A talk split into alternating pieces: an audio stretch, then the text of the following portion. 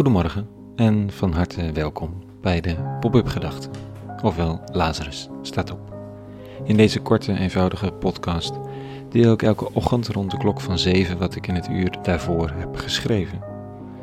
Het is mijn manier om de werkdag te beginnen, al jaren.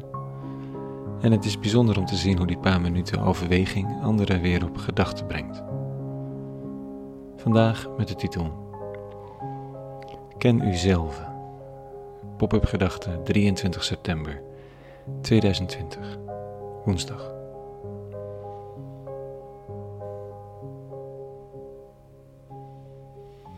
Gnoti seauton heet het in het Grieks. Ken uzelf.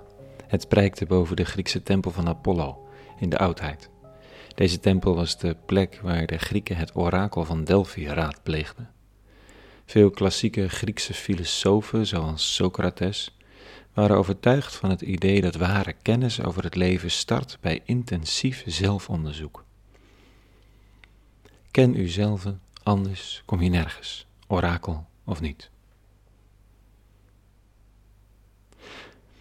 Wat ken ik eigenlijk van mezelf? Hoe leer ik mezelf kennen?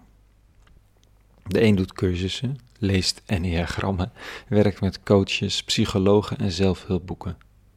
En dat is absoluut een manier om jezelf te leren kennen. Maar er zijn ook andere manieren.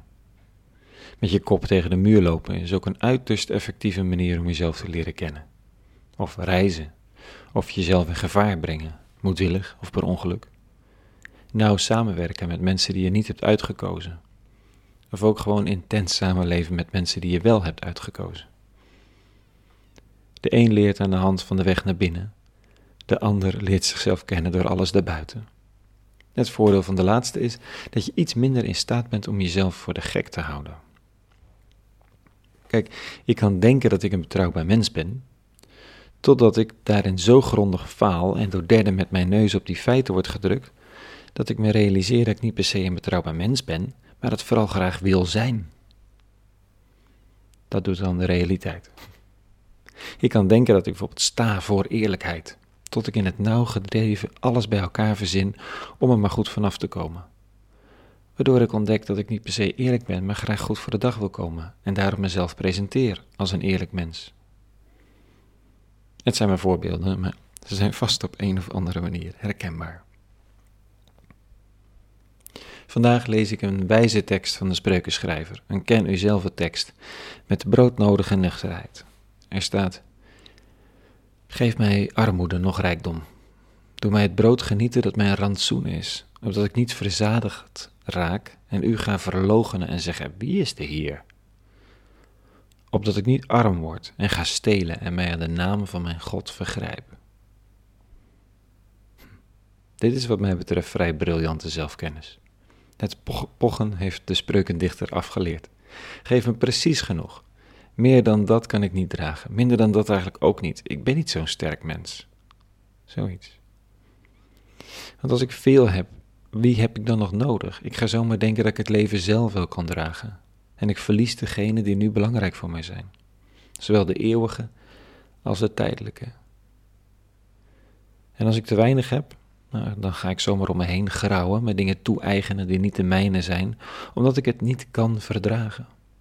En zo me vergrijpen aan het goede waar ik mezelf aan had toegewijd. De mens is niet zomaar goed. Omstandigheden brengen ons zomaar uit evenwicht. En belangrijk om te zeggen, deze tekst is niet van een labiele persoonlijkheid die net hersteld is van een zware burn-out en bang is het leven niet aan te kunnen. Deze tekst geldt als een hoogtepunt van wijsheid uit de Joodse literatuur. Het is een van de spreuken. De Joodse literatuur zegt ook ken uzelf, alleen heeft het gewoon een niet al te hoge pet op van de mogelijkheden van de mens. Niet om neer te kijken op de mens, maar om met broodnuchterheid te constateren wie we zijn en daaruit vervolgens in, van daaruit in dankbaarheid, toewijding en overgave te leven. Geeft u mij genoeg alstublieft en niet te veel, want zomaar vergeet ik het goede, die mij dit alles geschonken heeft. geeft er mij niet te weinig, want zomaar doe ik het goede geweld aan en raak nog verder van huis. Met dat ik weet waar mijn valkuilen zijn, zal ik misschien er iets minder invallen, maar behoed mij voor de valkuilen, want zo sterk ben ik niet. Fijne broodnuchterheid op de vroege ochtend. Een hele gezegende dag gewenst en vrede. En alle goeds.